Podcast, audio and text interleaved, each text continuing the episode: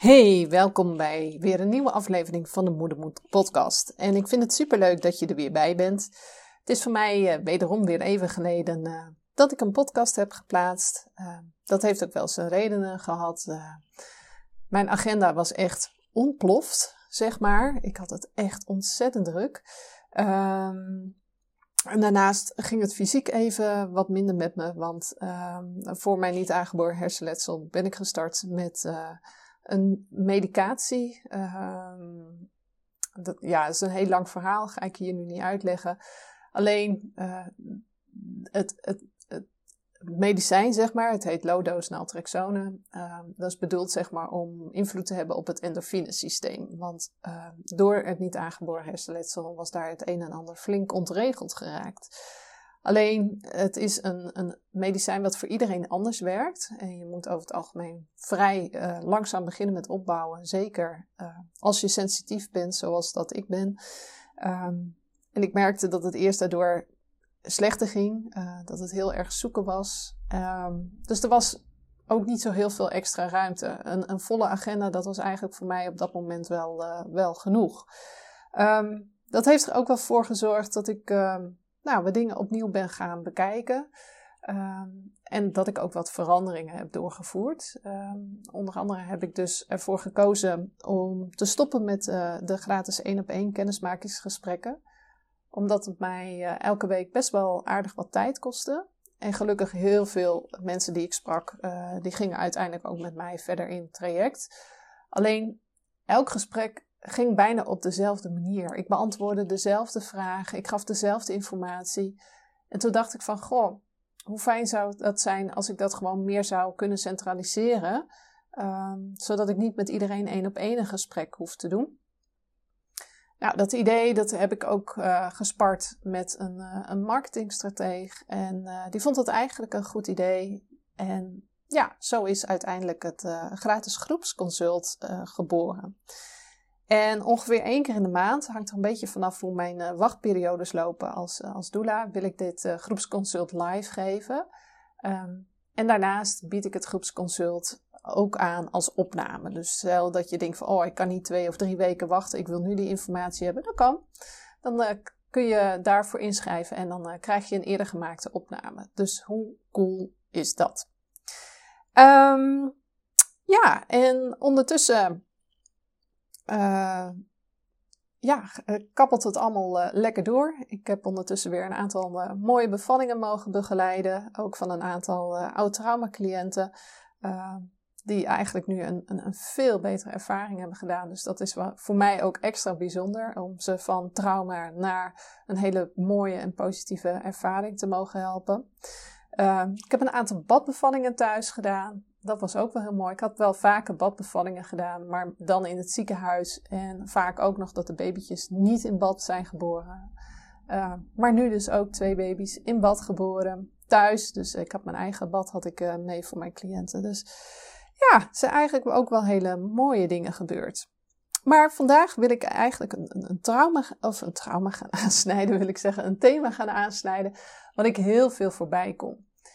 Um, toen ik mijn opleiding volgde tot traumatherapeut, gespecialiseerd in bevallingstrauma's, um, toen merkte ik dat het heel erg gericht was puur en alleen op het bevallingstrauma. En zo ben ik eerst ook gaan werken. En, maar gaandeweg merkte ik, en ik ben dat ook steeds explicieter gaan vragen, dat het heel vaak niet alleen een bevallingstrauma is. Um, ik denk dat ongeveer 90% van mijn cliënten meerdere dingen in hun leven heeft meegemaakt. Uh, nou, wat voor hen heftig was of misschien zelfs wel traumatisch. Ik noem het altijd van die gebeurtenissen waar je ziel altijd even van doet. Dat eigenlijk. En dat kunnen grote dingen zijn, dat kunnen ook kleinere dingen zijn. En wat ik eigenlijk gaandeweg heb gemerkt, is dat zo'n bevallingstrauma zijn tentakels eigenlijk slaat in de oude stukken uh, die er ook nog zijn, maar die vaak nog geen aandacht hebben gehad in de zin van verwerken.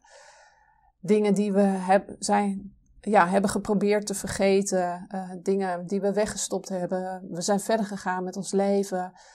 Misschien hebben we ook dingen gehoord als, joh, niet klagen, maar dragen. Dat is eentje die in mijn familie uh, heel erg sterk leefde. Ehm, ja, niet de vuile was buiten hangen. Uh, hup, het leven gaat door. Al dat soort dingen. En het feit dat het lang geleden is en dat je verder bent gegaan, want waarschijnlijk moest je dat ook, betekent niet dat het automatisch weg is. Heel vaak zie ik dat mensen, dat het alsnog wel in hun DNA zeg maar zit. En dat mensen vooral een leven hebben gebouwd waarin ze zichzelf goed staande hebben kunnen houden.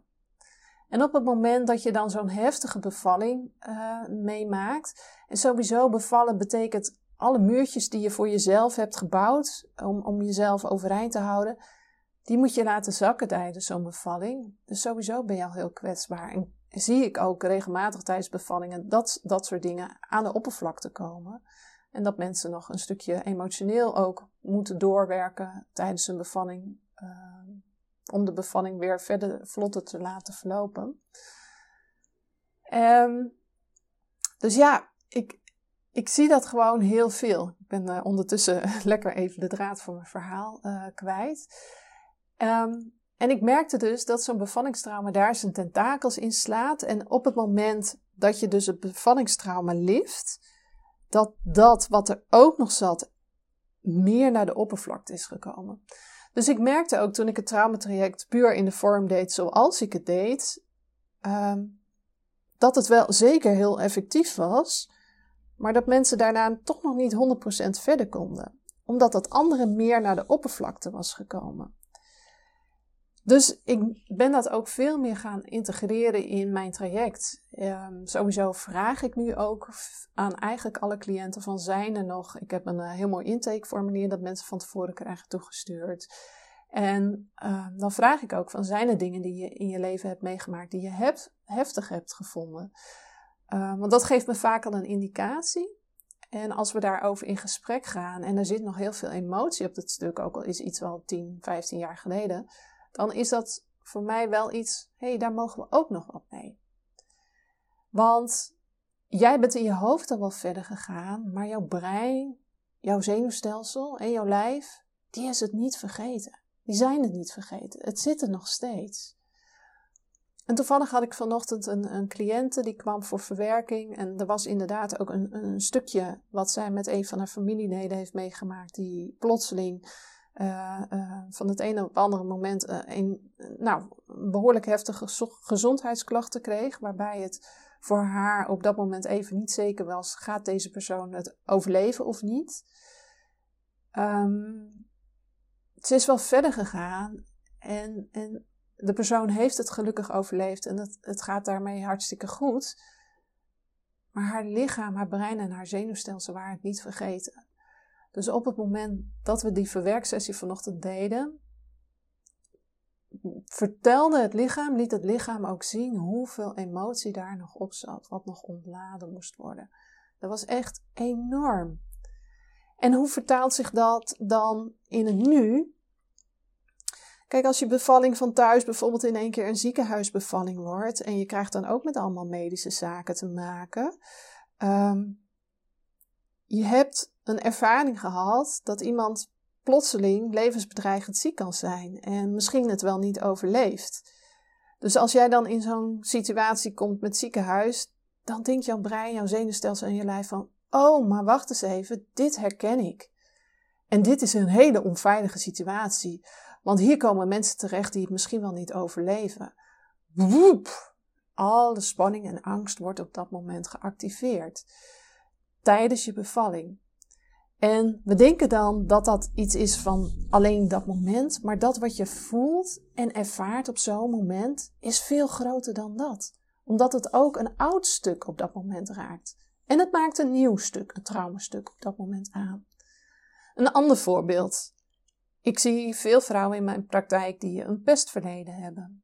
En stel je voor dat je heel veel nare opmerkingen vroeger naar je hoofd hebt gehad. Of dat je niet altijd gehoord en gezien werd.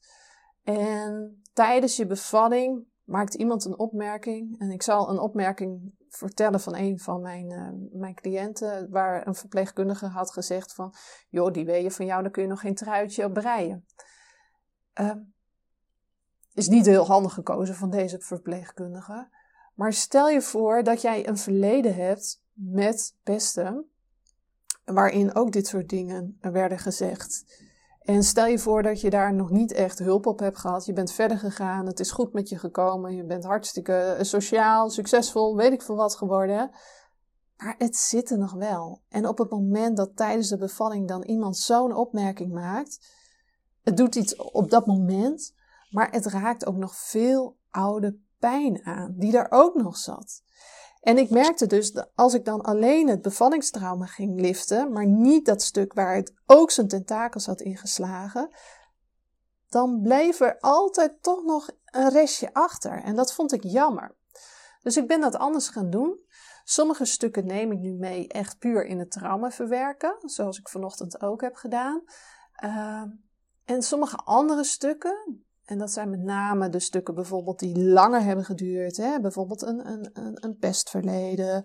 Of uh, wanneer het bij jou thuis niet altijd even prettig vroeger was. Dat je daar die dingen hebt meegemaakt. Um, dat je je heel erg vroeger misschien hebt aangepast. Hè? Het zonnetje in huis wilde zijn. Of jezelf onzichtbaar hebt gemaakt. Um, misschien omdat dat je een broertje of zusje had wat, wat ziek was of gehandicapt was. En je zag dat je ouders daar al zoveel zorgen over hadden. Nou, laat ik daar niet nog eens een keer bij komen met mijn zorgen en mijn vragen en mijn dingen. Al dat soort dingen komen voorbij in mijn praktijk. En als, daar werk ik dus niet met mijn traumatechniek op, hè, wat ik ook voor de bevallingstraumas gebruik. Maar daar ben ik het opstellingenwerk specifiek voor gaan gebruiken.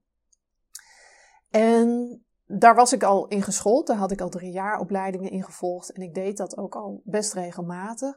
Maar ik ben dat nu echt bijna standaard aan het traject gaan toevoegen in de derde sessie. In de, ik noem dat altijd de losse eindjes sessie. En ik merkte door dat te doen, ja, dat is zo'n waardevolle aanvulling geweest. Ik zie daar nu de effecten van en dan merk ik, oh, dat mensen, kunnen nu echt ook verder.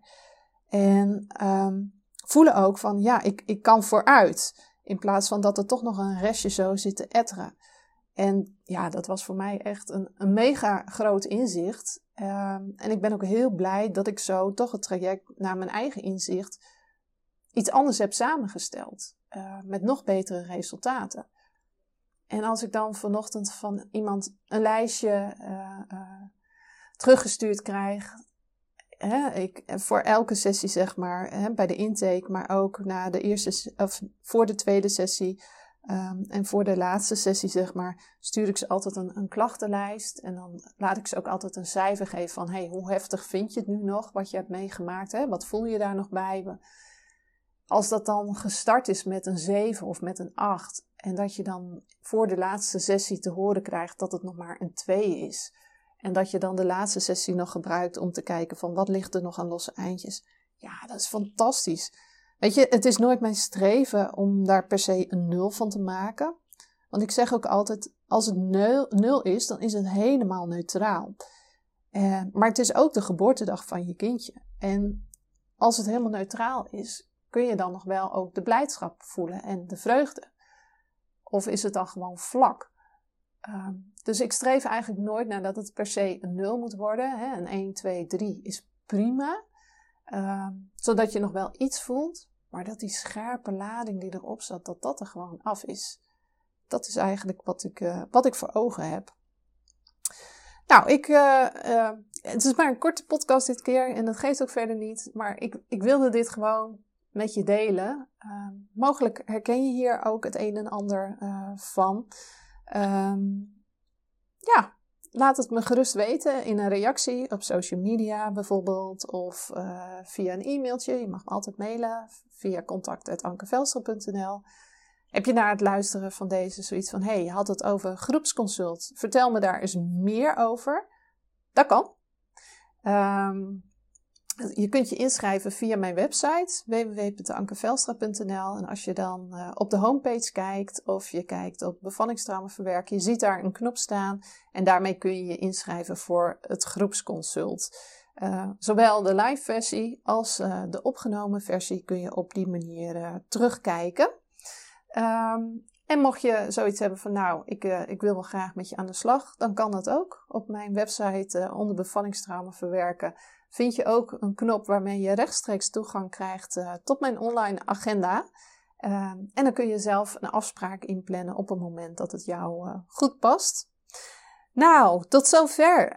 Dank je wel weer voor het luisteren. Um, en uh, ik hoop je heel graag weer in een volgende podcast te zien of te horen. Of nou ja, dat je er in ieder geval bent. Dat vind ik al super leuk. Hey, dankjewel. Doei doei.